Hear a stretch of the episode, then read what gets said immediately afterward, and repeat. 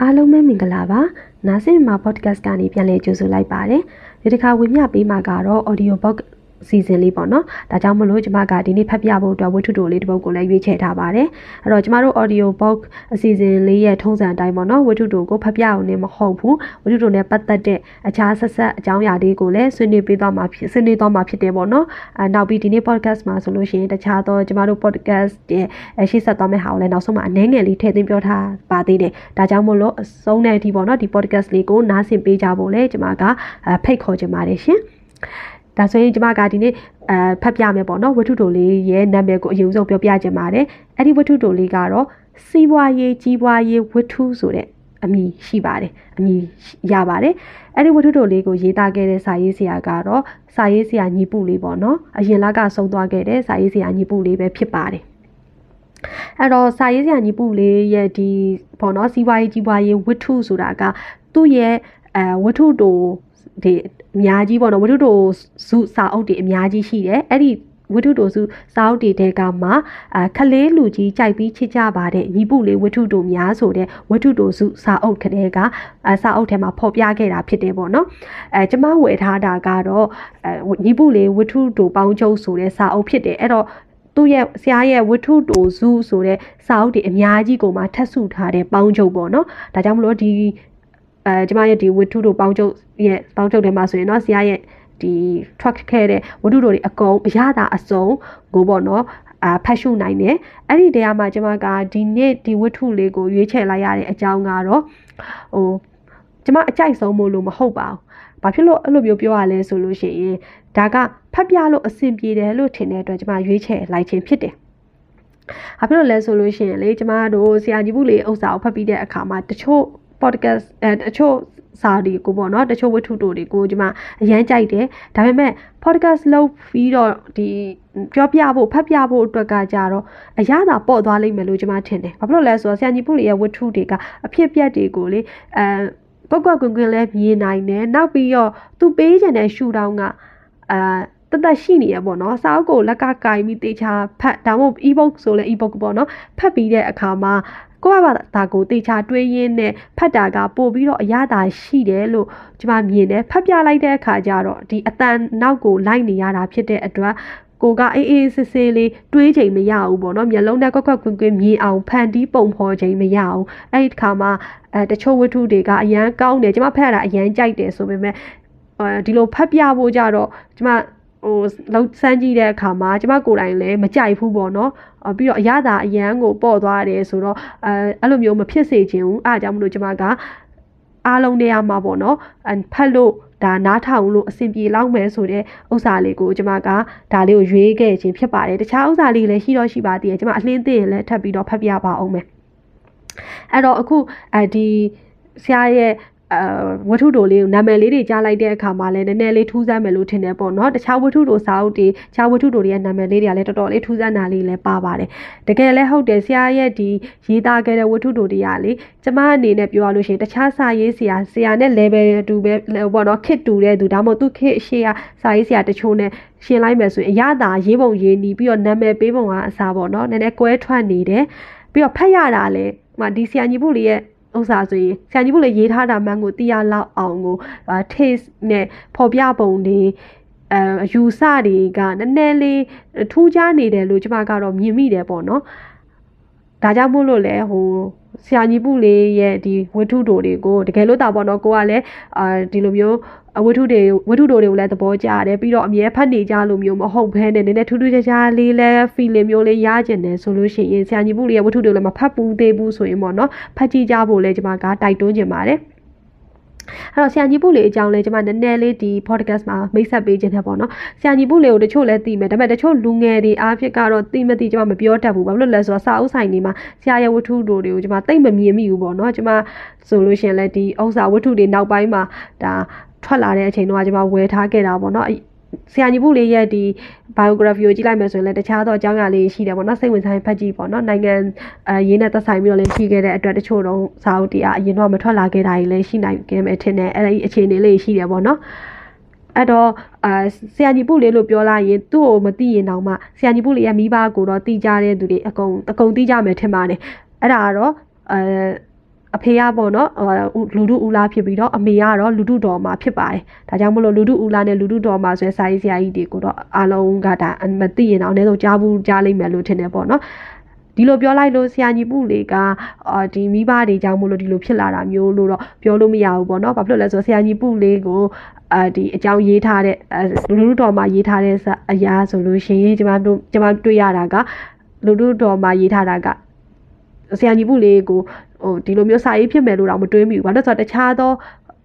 အမှုပညာရက်တွေမှာအားကစားတွေမှာဆရာကြီးမှုလေးကဝါသနာအရန်ပါတယ်အဲပေါ့နော်အဲ့တော့စာမရေးရေးဖို့ကိုသူတိုက်တွန်းပေမဲ့အရန်ကြီးပထမရေးကျင်တဲ့စိတ်မရှိခဲ့တဲ့ပုံလို့ပြောတယ်ဒါပေမဲ့တကယ်တမ်းဆရာကြီးမှုလေးသူ့ဘာသာသူစိတ်ဝင်စားပြီးရေးလာတဲ့အချိန်မှာလည်းတကယ်ကိုယတတမျိုးနဲ့ပေါ့နော်အဲထူးခြားတယ်အဲပြီးတော့အောင်မြင်လာတယ်ပေါ့နော်အဲ့အကြောင်းလေးကိုကျွန်မဖတ်ဖူးပဲပေါ့နော်ဒါကြောင့်မို့လို့ဆရာကြီးမှုလေးကဒီမိဘရဲ့အချိန်ကြောင့်ဒီလိုစာရေးဆရာဖြစ်လာတာမျိုးလို့လည်းထင်နေမှာဆိုလို့ပေါ့နော်အဲအဲ့လိုပုံစံမျိုးလည်းမဟုတ်ဘူးပေါ့ပြီးတော့ဆရာကြီးမှုလေးကတခြားသောစာပေစုတွေလည်းရရှိခဲ့တယ်အဲ့ဒီတဲမှာမှပြောရမယ်ဆိုရင်2016ခုနှစ်အမျိုးသားစာပေစုရရှိခဲ့တဲ့စာအုပ်ပေါ့နော်အဲ့ဒါကတော့ထက်မြက်သောဓာသွားပေါ်ကချုံမြမြရာရည်ဇက်ဆိုတဲ့စာအုပ်နဲ့လည်းဒါ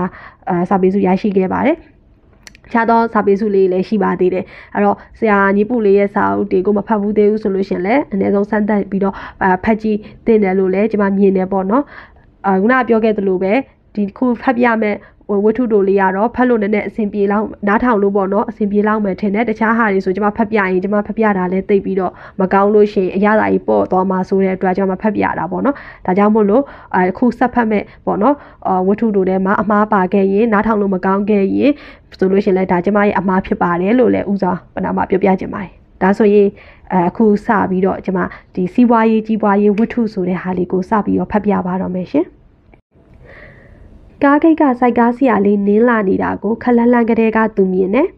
။အင်ကြီးအိတ်ထဲလက်နှိုက်ကြည့်တော့စိုက်ကားဆရာလေးကိုပေးစရာကြက်တန်ကမရှိပြန်ဘူး။စိုက်ကားဆရာလေးကိုပဲအအန်းခိုင်းရမှာလို့စဉ်းစားပြီးအိမ်ဝကစောင့်နေလိုက်တယ်။စာအိတ်ပေါ်ကမြမလိုမရေးတတ်ရေးတတ်နဲ့ရေးလိုက်တဲ့လက်ရေးကိုမြင်လိုက်တာနဲ့ပဲသိလိုက်ပြီ။ဦးတောင်းညံမျောလင့်ထားတဲ့အတိုင်းပဲ။စိုက်ကားဆရာလေးယူလာတဲ့စာဟာလာရှိုးကသူ့ဖောက်တဲ့ကားကြုံနဲ့ပါလိုက်တဲ့စာပေါ့။ ဦးတောင်းညံကစိုက်ကားကထုတ်ပြီးတော့လူငယ်လေးမှလည်းအန်းစရာကငါးချက်တန်ပဲရှိနေတယ်။မိုးစော်တို့အောင်မောင်းတို့မင်းတို့မှရှိရင်ခဏစိတ်ထားလိုက်ကြအောင်ကွယ်နဲ့ထုံးစံအတိုင်းဖြည့်ရှင်းလိုက်တယ်။ထုံးစံအတိုင်းပဲတပည့်ကျော်အောင်မောင်းကသူ့ဆရာကိုမိုးစော်ရဲ့အင်ကြီးအိတ်ထဲရှာကြည့်မယ်။တွေ့ရင်ယူပေးလိုက်မယ်။မတွေ့ရင်ဆရာကိုမိုးကျော်ရဲ့အိတ်ထဲရှာနောက်ဆုံးမတွေ့ရင်သူ့အင်ကြီးထဲနှိုက်ကြည့်။ဘဲမှမတွေ့ရင်ဆရာကြီးဦးတောင်းညံကတော့ဒေါ်တော်လုံးစီသွားတောင်းရမယ်။ အောင်မောင်းကလက်ထဲကစုပ်တံကိုခဏချပြီးအင်ကြီးတွေချိတ်ထားတဲ့နေရာကိုခတ်သွက်လျှောက်သွားလိုက်တယ်။ဦးတောင်းညံကစာကိုဖောက်ဖက်နေတယ်။ခုနကခါးတွေကုန်းပြီးပကြီးရင်းနေကြတဲ့မိုးကြော်တို့ညီအကိုကလည်းစုပ်တံတွေကင်ထားရင်သူတို့အဖေကိုလှမ်းကြည့်နေတယ်။စာဖတ်တာပြီးတော့ခေါင်းတစ်ချက်ညှိပ်ပြီးစာကိုမိုးစော်လက်လှမ်းရင်ကိုသိန်းမျိုးကအချက်30ပို့ပါအောင်လို့ရေးလိုက်တာပါတဲ့စိုက်ကားဆရာလေးနဲ့အောင်မောင်းတို့တောင်မှပဲတယောက်နဲ့တယောက်မျက်မှန်းတော်တော်တမ်းမိနေကြပြီ ပြုံးပြနှုတ်ဆက်ကြရင်စိုက်ကားကရှင်းလိုက်တယ်မိုးစော်ကလည်းစာကိုဖတ်ပြီးသူ့ကိုမိုးကျော်စီလက်စစ်ကမ်းလိုက်ပြန်တယ်မိုးကျော်ကစာဖတ်ပြီးတော့ဟုတ်မဟုတ်သေးရဲ့လားဗျတနေ့ကနေပကြီးကားအချက်30တောင်တင်ပို့လိုက်တာဘာကြသေးလို့လဲအဖေရဲ့တဲ့ဦးတောင်းညံကအမှားစာတွေကိုစုပြီးညှက်ထားတဲ့စာတွဲကလစ်ကလေးကိုတရွက်ချင်းလှန်ပြီးကြည့်နေတယ်တိတ်မရှာရပါဘူးအပေါ်နားနေဘောပင်နဲ့ခက်ဖိဖိရေးထားတဲ့ကိုသိန်းမျိုးရဲ့အမှားစာကိုသွားတွေ့တယ် မမားပါဘူးကိုကြော်ကြော်ရစာထဲမှာလည်းပါသားပဲနောက်ဆုံးပို့လိုက်တဲ့ပကြီးအချက်30ရတယ်တဲ့ဒါနောက်ထပ်ထပ်မာတဲ့အမှားစာပဲဖြစ်ရမယ်ကိုသိန်းမျိုးတို့ကတော့စီးပွားတတ်တယ်ဟင်ဦးတောင်းရရဲ့စကားမှာဝမ်းမြောက်တန်ကြီးစွတ်လို့မိုးစော်ကရေးလက်စပကြီးကားပြီးသွားတော့စုတ်တန်ကိုရေနံကွက်ထဲနှစ်လိုက်တယ်ရေနံကွက်ထဲကရေနံစီကလည်းခက်ကြကြလက်ဖက်ရည်ရောင်ပေါက်နေတဲ့တာလွန်ပြေးဝရေနံစီပဲပေါ့ပြီးတော့အညောင်းဆန့်ရင်ဇက်ကိုဘယ်ညာချိုးလိုက်တယ်မိုးစော်တော်တော်ညောင်းနေပြီ သူပုံမှန်စံချိန်တိုင်းပကြီးကားရှစ်ချက်ဒီနေ့ပြီးတယ်ဒီနေ့သူရေးတဲ့ကားတွေကစကြက်ထဲမှာပုံစံမျိုးမျိုးနဲ့ရှိနေတဲ့မြင်းရိုင်းခုနှစ်ကောင်ပုံတွေပေါ့နောက်ကျောပေးနေတဲ့မြင်းရိုင်းတင်မားကိုလှဲ့ပြီးနှုတ်သီးနဲ့အရားဖြောက်နေတဲ့မြင်းရိုင်းတန်တန်ထွားထွားကြီးတွေလဲစာမွေးတဖွားဖွားနဲ့ဦးတောင်းညံရဲ့သားနှစ်ယောက်မှာမိုးစော်ကအငယ်တက္ကသိုလ်စပေးစာယူတက်ရင်မိဘအလုပ်ကူလုပ်နေတာ မိုးစော်ကသတို့သားသတို့သမီးတွေကိုအမတ်တရလက်ဖွဲ့လေးရှိကြတဲ့မင်္ဂလာဆောင်မှန်ပကြီးမျိုးရေးလေးရှိတယ်မော်ပင်ဒီကြားမှာမျက်လုံးပြူးပြူးလေးတွေနဲ့ပျော်မြူးနေကြတဲ့ရွှေငါးမောင်နှံပုံကောင်းကင်ပြစိမ့်စိမ့်ကိုနောက်ခံထားပြီးချစ်တင်းနှောနေကြတဲ့စာမရီစုံတွဲပုံတို့ရွှေရောင်မင်္ဂလာတင်ကေတကိုအလဲမှာထားပြီးအယောင်ဒီလွင်လွင်နေနဲ့ရေးထားတဲ့ငကားနှကောင်ကလည်းမိုးစော်ကအရေးတော်တာပဲ။တောင်းပြိုတဲ့တောင်းဖုံးကိုအစင်းရိပ်ရိပ်အပြာလွင်လွင်နဲ့သူရေးထားတာလဲလူချင်းစရာပဲလေ။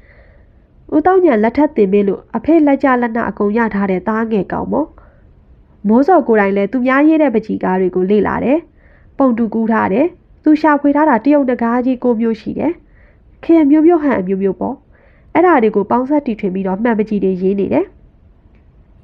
သူ့ကိုမိုးကြော်ကတပါးသာသူကရှုကင်းကားအရေးကောင်းတယ်တစ်ထပ်တိုက်နှစ်ထပ်တိုက်ပေါ်တီကိုနဲ့တိုက်ဝရန်တာနဲ့တိုက်မှန်လုံးစလုံးကားလေးတွေလည်းသူ့ပကြီးကားမှာထည့်ရေးတတ်တယ်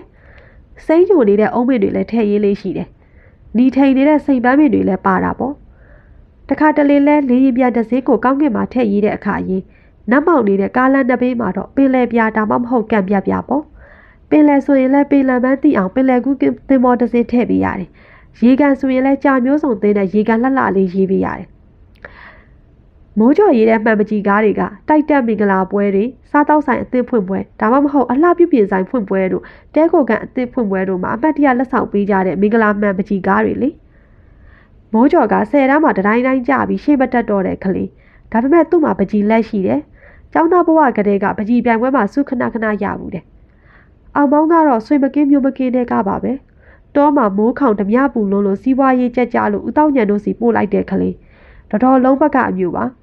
အဲ့ဒီအိမ်မှာပဲအိတ်စားစင်တာဝစ်ပြီးအောက်ခြေသိအလုံးလုံးနေတာ9နှစ်လောက်ရှိပြီအခုဆိုအောင်ပေါင်းတဲ့သူရသက်တီမဲတော်ပုံတို့မဟာမုနိပုံတော်တို့ဘဘိုးအောင်တို့မိုးမင်းခေါင်တို့ပုံတွေရေးနိုင်နေပြီ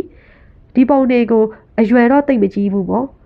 အခုရက်ပိုင်းမှာဘဘိုးအောင်ပုံနဲ့ဘုံမင်းခေါင်ပုံတွေလည်းအယောင်ရတွင်နေတယ်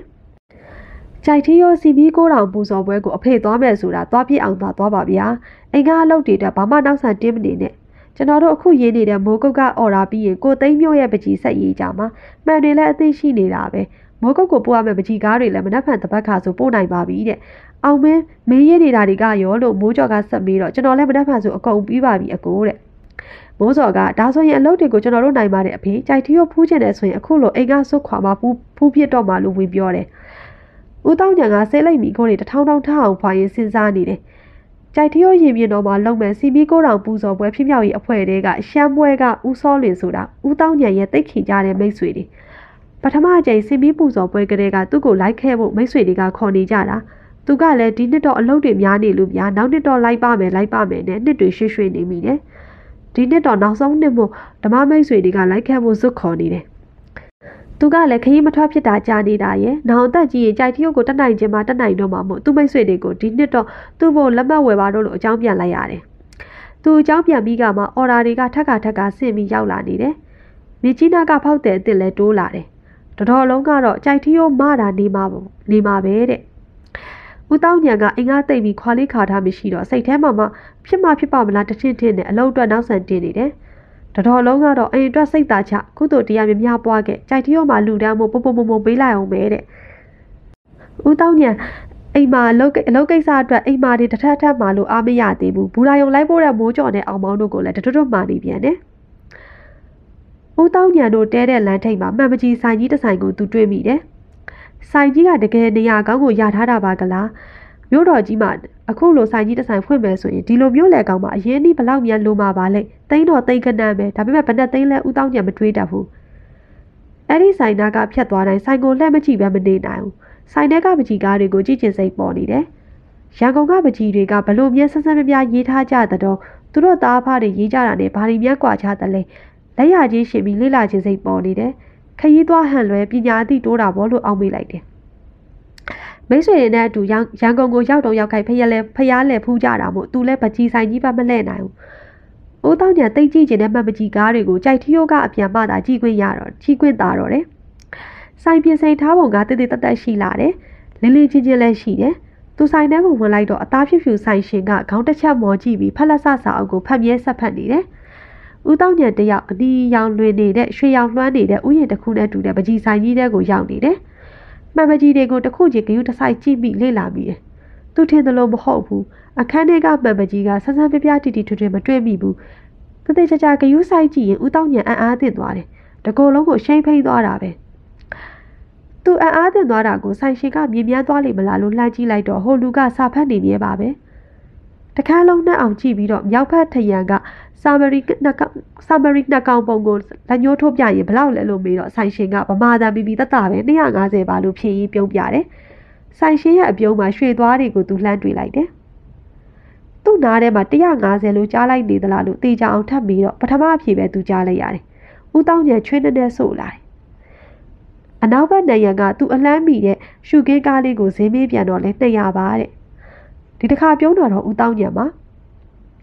ဒီပကြီးကားတွေကိုရန်ကုန်ကပကြီးစရာတွေရေးကြတာလားခင်ဗျာလို့သူကပြီးတော့ဆိုင်ရှင်ကမဟုတ်ပါဘူးလာရှုကလာတာပါတဲ့မဆိုင်မတွားဖြေတယ်ဈေးကရောရှော့အောင်မှလားလို့စိုးနေတဲ့ချွေးတွေကိုလက်ကိုက်ပွားနဲ့သိရင်ပြီးတော့ဆိုင်ရှင်ကတခွန်းစေးပါရောင်းစေးပါပဲတဲ့ဆိုင်ရှင်နဲ့စကားပြောနေတော့မှဒီမျက်လုံးပြူးပြူးနဲ့ချစ်စရာကောင်းတဲ့ရွှေငါးမောင်နှံပကြီးကားကို250တခွန်းစေးနဲ့ဝယ်သွားတာတွေ့လိုက်ရတယ်ခဏနေတော့ဆိုင်ရှင်ကိုနှုတ်ဆက်ပြီးဆိုင်ထဲကနေသူပြန်ထွက်လာခဲ့တယ်ရင်ထဲမှာတော့တမျိုးပဲခံစားလာခဲ့ရတယ် မပြောပြတတ်ဘူးအန်ဩတာလားကြည်နူးတာလားဝမ်းသာတာလည်းပါမယ်ထင်တယ်သူကြည့်ခဲ့တဲ့မှန်ပကြီးကားအများစုဟာသူတို့သားဖရေးတဲ့ပကြီးကားတွေပဲကြံတဲ့ပကြီးကားတွေကလည်းသူ့မိတ်ဆွေရဲ့မိတ်ဆွေမိသားစုတွေရေးကြတဲ့ပကြီးကားတွေပဲပေါ့ကျွဲအုပ်ချင်းပေါင်းပြီးရင်ကိုကျွဲကိုမှတ်မိတဲ့ကျွဲချောင်းသားလို့ဦးတောင်းညံကလည်းသူ့ရဲ့မှန်ပကြီးကားတွေကိုမှတ်မိနေတယ်လေပထမဈေးမေးတဲ့စာမရီနှကောင်ကသူ့ကောက်ချောင်းကောက်ပေးပြီးအောင်ပေါင်းဆေးရောင်သွင်းထားတဲ့ကား အောင်မောင်းကတိမ်လွှာလေးတွေကိုအပြာနုလေးနဲ့ပြပြပပြောင်နုနုဖက်ဖက်လေးရေးရမယ့်အစားခတ်ထူရရင်ကြီးရေးလိုက်လို့သူတောင်မှအောင်မောင်းကိုအဆူမိသေးတယ်။အဲ့ဒီမှန်ပကြီးကိုသိမ်းမျိုးတို့စီပို့လိုက်တာလဲသူမှတ်မိနေတယ်။ဝယ်သူစီပါသွားတဲ့ရွှေငါးလေးတွေပကြီးကားကလည်းသူ့သားမိုးစော်ရဲ့လက်ရပဲ။မိုးကြော်တဲ့မိုးကြော်ရဲ့အဆောက်အုံပုံစံတွေအုံးဝင်တွေကဘသူရေးတာနဲ့မှမတူဘူးသူ့ဟန်နဲ့သူပကြီးကားအယောင်းဆိုင်ထဲမှာမိုးကြော်ရဲ့ရှုကင်းကားတွေနဲ့အလှဆင်ထားတယ်။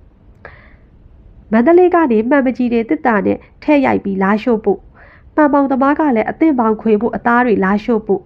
လာရှို့ကနေမှမန္တလေးကိုဖြတ်ဒီမှန်မကြီးကားတွေကရန်ကုန်ကိုရောက်ရန်ကုန်ကနေမှအုတ်မြမနိုင်ငံအနှံ့ရောက်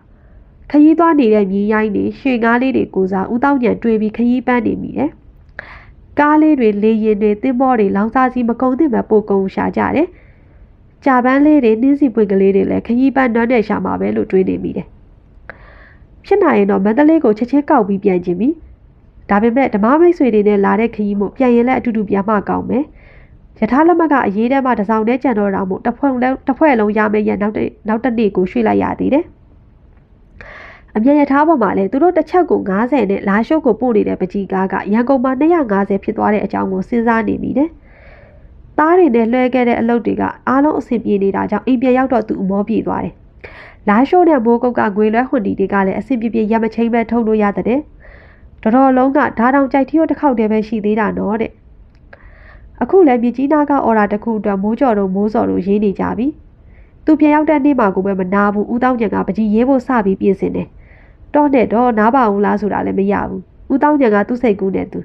အတော်ဆုံးအကောင်းဆုံးမှန်ပကြီးကိုရေးဖို့ကောက်ချောင်းစရေးနေတယ်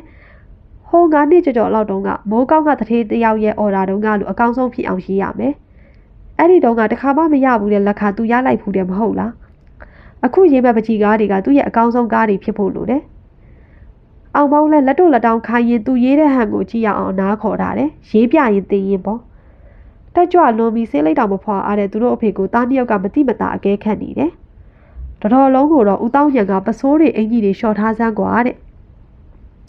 နှစ်ရက်လောက်ကြာတော့မှသူ့လက်ဆွဲပြပကြီးကားငါးကားပြီးသွားတယ်။တော်တော်ကိုတက်ရကောင်းမှုနဲ့ကားတွေပါပဲ။မိုးကျော်တို့ညီအကိုကတော့အမှန်ရဲ့ထောင်ကလေးတွေကိုခွဲပစ်ပြီးအိမ်မှာကတ်တလောက်သဘောမျိုးထားရမယ့်ပကြီးကားတွေပဲလို့ထင်နေကြရှာတာ။ရန်ကုန်ရထားလက်မှတ်ဝယ်ပြီးပြီဆိုတော့မှတပိသားစုလုံးတီးရအောင်ဖွင့်ပြောတော့တယ်။ဦးတောင်းညံဒီကားတွေယူပြီးရန်ကုန်ကိုဆင်းမယ်။မှန်ပကြီးရောင်းတဲ့သူကိုအခုရေးလာတဲ့သူ့ပကြီးကားတွေပြမယ်။ဟိုလူကဒီအလုပ်ကိုတကယ်နားလဲတဲ့လူဆိုရင်သူ့လက်ရကိုကြိုက်ကိုကြိုက်ရမယ်တဲ့။ ရာကုန်မမကြီးဆိုင်မှာငါတို့လက်ရာတွေကအများစုကဂုံယူတန်းတဲ့သားတွေတပည့်တွေကိုခဏခဏပြောသွားတယ်တဲ့လေရောက်တဲ့မနက်မှာပဲမမကြီးဆိုင်ကိုအရောက်သွားလိုက်တယ်ဆိုင်ရှင်နဲ့ဓာတ်ရိုက်တွေ့တာပေါ့သူရေးလာတဲ့ပကြီးကားတွေကိုမိုင်းကိုင်ဆက်ကူတွေတလွာချင်းခွာပြီးပြလိုက်တယ်စိတ်ဝင်တစားကြည့်ရင်ဆိုင်ရှင်မျက်နှာမှာသွေးရောင်လှမ်းလာတယ်သူသွေးနိုင်တဲ့ဈေးကိုဦးတောင်းညံပြောလိုက်တယ်ဆိုင်ရှင်ဖို့ပြက်ရောက်ရင်အမျက်တွေအများကြီးရနိုင်မဲ့ဈေးပါတခွန်းဈေးမဟုတ်သေးဘူး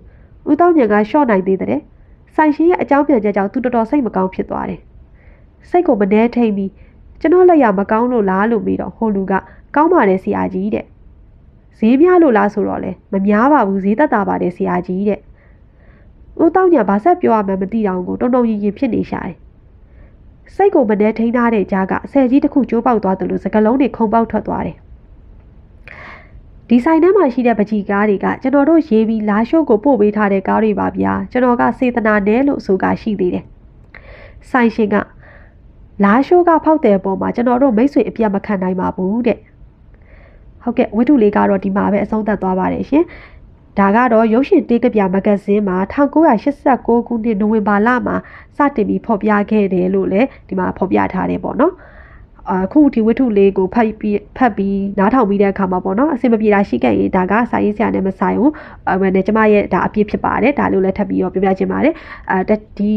ဝတ္ထုတို့ပေါင်းကျုပ်စာအုပ်ထဲမှာပေါ့နော်ဒီထပ်လည်းဟိုကျမပို့ပြီးသဘောကျနှစ်သက်တဲ့အဲဝတ္ထုတို့တွေလည်းအများကြီးရှိသေးတယ်ပေါ့နော်အဲဆရာရဲ့အာအာကစားတွေအမှုပညာတခြားသောအမှုပညာပေါ့နော်စာရေးတာပြင်တခြားသောအမှုပညာတွေနဲ့ပတ်သက်ပြီးတော့ရောတခြားသောဘဝရဲ့ရှုထောင့်တွေရော ပညာရတဲ့ဆိုင်တာတွေရောအဲရေးထားတာကစိတ်ဝင်စားဖို့လည်းကောင်းသလိုဘခုတရလည်းရတယ်နောက်ပြီးတော့ခုနပြောလို့ဆရာရဲ့ရေးပုံရေးနီးပေါ့နော်ဆရာကြီးပုလေးရဲ့ရေးပုံရေးနီးရေးဟန်ကအဲသူ့ရဲ့ကိုပိုင်ဟန်ရှိတယ်ပေါ့နော်သူရဲ့ကိုပိုင်ဟန်ပြီးတော့သူများနဲ့ထူးခြားနေရလို့ကျွန်မကတော့မြင်မိတယ်ပေါ့နော်ကျွန်မဖတ်ခဲ့တဲ့ကျွန်မဝတ္ထုတော်တွေသဘောကျတယ်ပေါ့နော်အဲ့တော့ဝတ္ထုတော်တွေဖတ်ခဲ့သမျှတဲမှာဆိုရင်အဲဆရာကြီးပုလေးရဲ့ဝတ္ထုတော်တွေဒီအဲ တိကိုတိနေတယ်ထူးခြားနေတယ်ဆိုတာမျိုး taste တစ်ခုကိုရှိရပေါ့နော်ဒါကြောင့်မို့လို့အဲနှစ်သက်ကျမနဲ့ကျမလိုမျိုးပဲပေါ့နော်နှစ်သက်တဲ့လူမြန်ရှိမလားဆိုပြီးဒါဝေမျှပေးခြင်းလည်းဖြစ်တယ်ပေါ့နော်အဲ့တော့ကျမကအဲဒီဝတ္ထုတိုလေးဖတ်ပြီးရနောက်မှာပေါ့နော်ဒီဝတ္ထုလေးကပေးခြင်းတဲ့ message လေးအကြောင်းလဲအဲကျမအနေငယ်ဆွေးနွေးခြင်းပါတယ်။ဘာဖြစ်လို့လဲဆိုတော့ဒီဝတ္ထုတိုလေးမှာအဓိကဖော်ပြထားတာဆိုရင်ဒါအမှုပညာလက်ရာတွေကိုလည်းဖော်ပြထားတာအပြင်ပေါ့နော်တခြားဘာတွေပါလဲဆိုတော့ဟို တယောက်နဲ့တယောက်ဒါစီးပွားရေးလုပ်တဲ့အခါမှာ relationship ကဘယ်လောက်ထိအရေးပါလဲပေါ့နော်အဓိကကတော့ဟို relationship လို့ပြောတာတက်ဆိုင်ရင်စီးပွားရေးရပြောရင်တော့ဒါ networking ပေါ့နော်အချိတ်အဆက်တွေအချိတ်ဟိုပေါ့ relationship တွေရှိနေဖို့ကောင်းနေဖို့ဒီစီးပွားရေးတစ်ခုလုပ်ဖို့အတွက်အရန်ရေးကြည့်တယ်ဆိုတာကိုဖော်ပြထားတယ်ကိုယ့်ရဲ့တန် quality ရှိမယ်ကိုယ့်ရဲ့ဟိုပေါ့နော် ဟိုကို့မှာတော်ကျင်တော်နေလိမ့်မယ်ဒါပေမဲ့ဒီ relationship ကိုခိုင်မာအောင်မလုပ်နိုင်ရင်ဒီ networking ကိုခိုင်မာအောင်မတိဆောက်နိုင်လို့ရှိရင်ကိုရတဲ့ရထိုက်တဲ့အောင်မြင်မှုကိုမရနိုင်ဘူးဆိုတာကိုလည်းဒါမြင်နိုင်တယ်ပေါ့နော်တကယ်တော့ဒါကလေအဲလက်တွေ့ဘဝမှာလည်းအဲ့ဒီအတိုင်းပါပဲဝိတုတို့ထဲမှာမဟုတ်ဘူးပေါ့နော်တကယ်အပြင်အဖြစ်ပြက်တွေမှာလည်းမြန်မာနိုင်ငံမှာတာမကနိုင်ငံတကာမှာလည်းဒီပုံစံပဲဆိုတာကိုလည်းကျမတို့သိနိုင်တယ်သူသဖြင့် organization တွေပြီးတော့ကိုပိုင်စီးပွားရေးလုပ်တဲ့ဟိုကိုပိုင်စီးပွားရေးဆိုတာတည်တည်ကြီးကြီးပေါ့နော်ဟိုဆက်တဲ့တစ်ခုလုပ်တဲ့ founder တွေလုပ်တဲ့သူတွေအတိုင်းမှာသူတို့အရင်ဦးဆုံးသူတို့ client ရှာဖို့လိုတယ်အဲ့လို client ရှာတဲ့အခါမှာသူ့အတွက်ကအဲ networking ရှိဖို့ကအရေးကြီးတယ်ပေါ့နော်အဲ့တော့ networking ရှိဖို့ဆိုတာလဲကိုကဟိုဒီရှိတဲ့ဒီ network တရားလူတွေနဲ့ relationship ကောင်းဖို့လိုတယ်ပေါ့နော်အဲ့တော့ ဒီ networking တွေ relationship တွေကောင်းဖို့အတွက်ဘာလို့လဲလို့ဆိုလိုက်ရင်ကျမအနေနဲ့ကတော့ဒါယုံကြည်မှုပေါ့အခြေခံတယ်ပေါ့နော်အချင်းချင်းတယောက်နဲ့တယောက်ယုံကြည်ပြီးတော့အော်ခင်မင်မှုပေါ့နော်ယုံကြည်မှုခင်မင်မှုတွေအပေါ်မှာချိတ်ဆက်ပြီးတော့အဲ့ဒါခိုင်မာရင်ခိုင်မာသလားအာကိုယ့်ရဲ့စီးပွားရေးရာရေရှည်တည်မြဲမယ်ကိုယ့်ရဲ့အလုပ်ကရေရှည်တည်မြဲမယ်အဲနောက်ပြီးတော့ကိုယ့်ရဲ့ network ကျယ်ရင်ကျယ်သလိုကိုယ့်ရဲ့ relationship ကောင်းရင်ကောင်းသလိုများရင်များသလို ကိုယ့်ရဲ့အတိုင်းဝအတိုင်းဝိုင်းကပိုကြီးလာပြီးတော့ကိုယ့်လုပ်ငန်းကပိုပြီးအောင်မြင်ဖို့ chance လည်းများတယ်လို့ကျွန်မမြင်တယ်ပေါ့နော်အာအခုပြီးတော့ကျွန်မဒါကျွန်မအပြောပဲမဟုတ်ဘူးပေါ့နော်2020ဒီကိုဗစ်ကာလမှာဆိုရင်ဒါပို့ပြီးတော့သိနိုင်တယ်အဲ့ဒါကိုလည်း research paper ကြီးရှိတယ်ပေါ့နော်အာဒီနေရာမှာကြားဖြတ်ပြီးတော့အာထပ်ပြောချင်တာက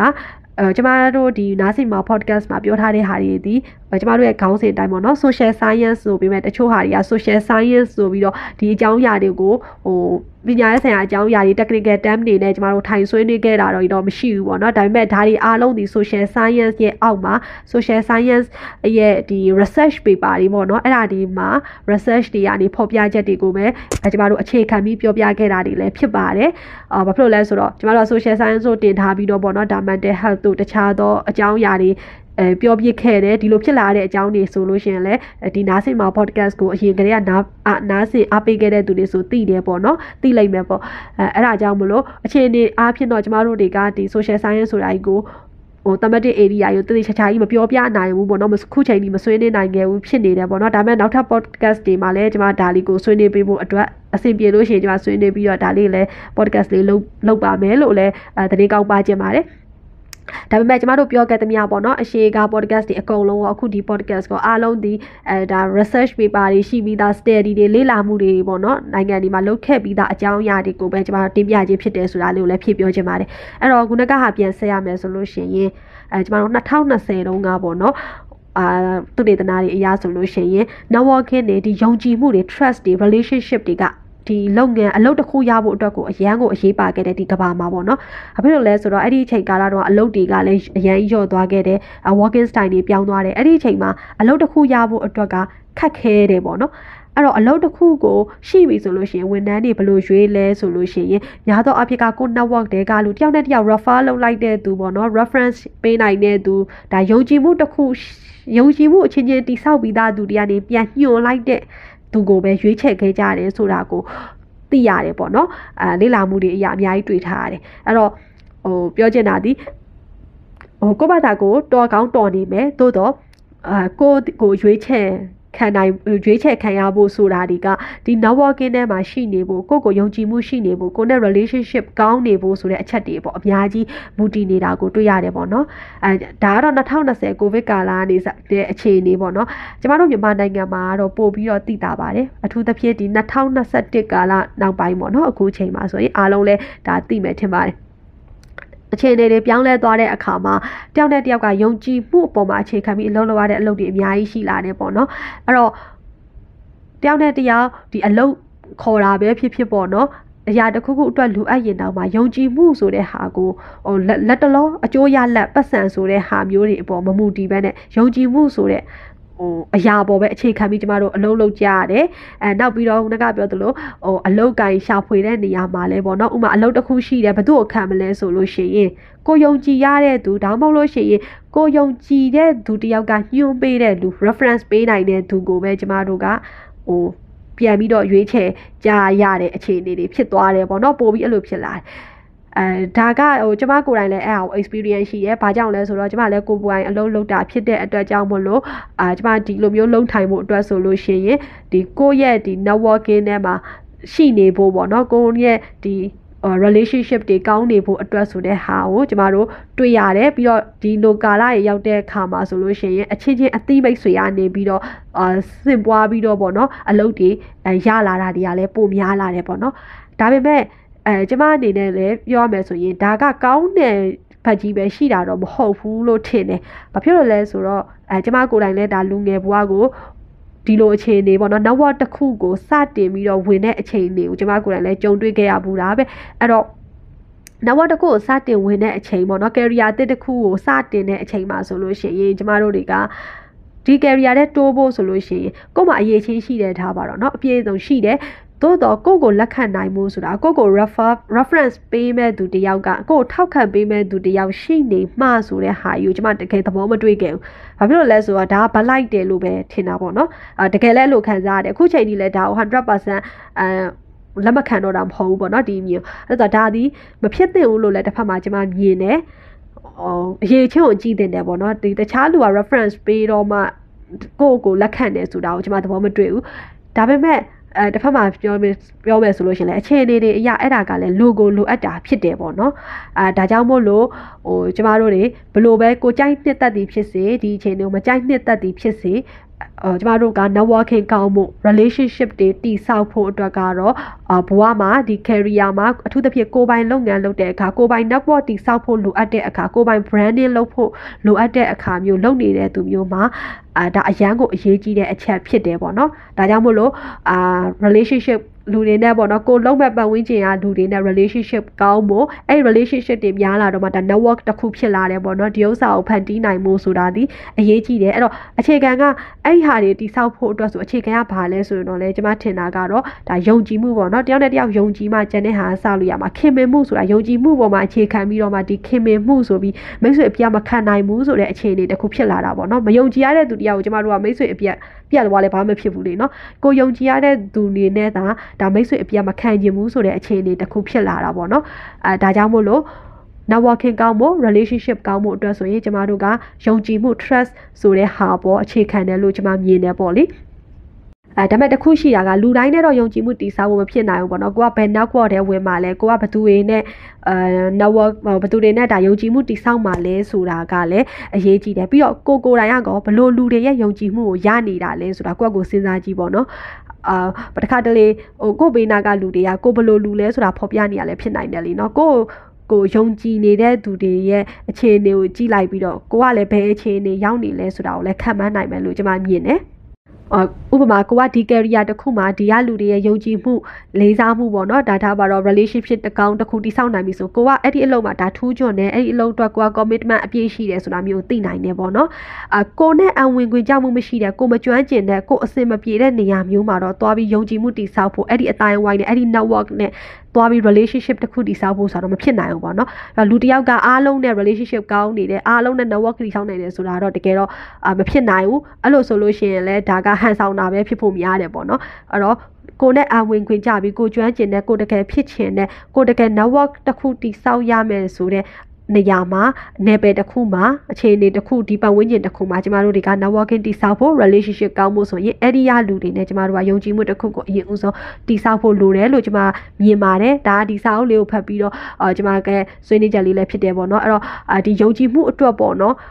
ဘာအရေးကြီးလဲဆိုတာကိုတော့ကျွန်မဒီ podcast လေးရှေ့သွားပြီဖြစ်တဲ့အတွက်နောက်ထပ်အလင်းသိရင်တော့ကျွန်မထပ်ပြီးတော့ဆွေးနွေးပါအောင်မယ်ဒါပေမဲ့ဒီမှာနောက်ဆုံးတစ်ချက်အနေနဲ့ပြောရမယ်ဆိုရင်ယုံကြည်မှုတည်ဆောက်ဖို့အတွက်ကျွန်မထင်တဲ့အလို့အဆုံးအရာတစ်ခုလို့ ပြောရမယ်ဆိုလို့ရှိရင်တော့စစ်မှန်မှုလို့ထင်ပါတယ်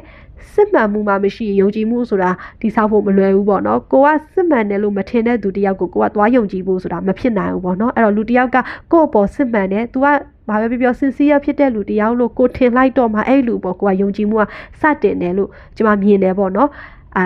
ဒါတွေကတော့ကျွန်မဒီအဲဝတ္ထုတော်လေးဖတ်ပြီးတဲ့အခါမှာစင့်ပွားတွေးမိတဲ့အတွေးလေးတွေဖြစ်တယ်ပေါ့နော်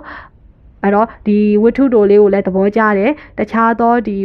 ပေါ့နော်ဆရာကြီးပုလေးရဲ့ရေးထားတဲ့အဲသူရဲ့အားကစားနဲ့ဆိုင်တဲ့ဟာတွေလည်းပါတယ်တခြားဟာတွေလည်းပါတယ်ပေါ့နော်ကွဲပြားတယ်တခြားဝတ္ထုတို့ဖတ်နေကြဝတ္ထုတို့ဖတ်နေကြသူတွေအတွက်ဆိုလို့ရှင်လည်းကွဲပြားတဲ့ taste တစ်ခုပေးနိုင်တယ်ပြီးတော့ရေးသားချက်ကလည်းကွဲပြားနေတဲ့ဟာလေးရှိတယ်ပေါ့နော်ဒါကြောင့်မို့လို့အဲဒီဆရာကြီးပုလေးဝတ္ထုလေးကိုလည်းစိတ်ဝင်စားလို့ရှင်အဲ့ဝတ္ထုတို့ပေါင်းချုပ်လေးကိုလည်းအဖတ်ကြည့်ဖို့လည်းထပ်ပြီးတော့ကျွန်မနောက်ဆုံးပိတ်အနေနဲ့တိုက်တွန်းလိုက်ချင်ပါတယ်အဲ နောက်ထပ် podcast ဒီမှာလည်းကျမတို့ social science နဲ့ပတ်သက်တဲ့အဲ thematic area အကြောင်းဒီပေါ့နော်ဟို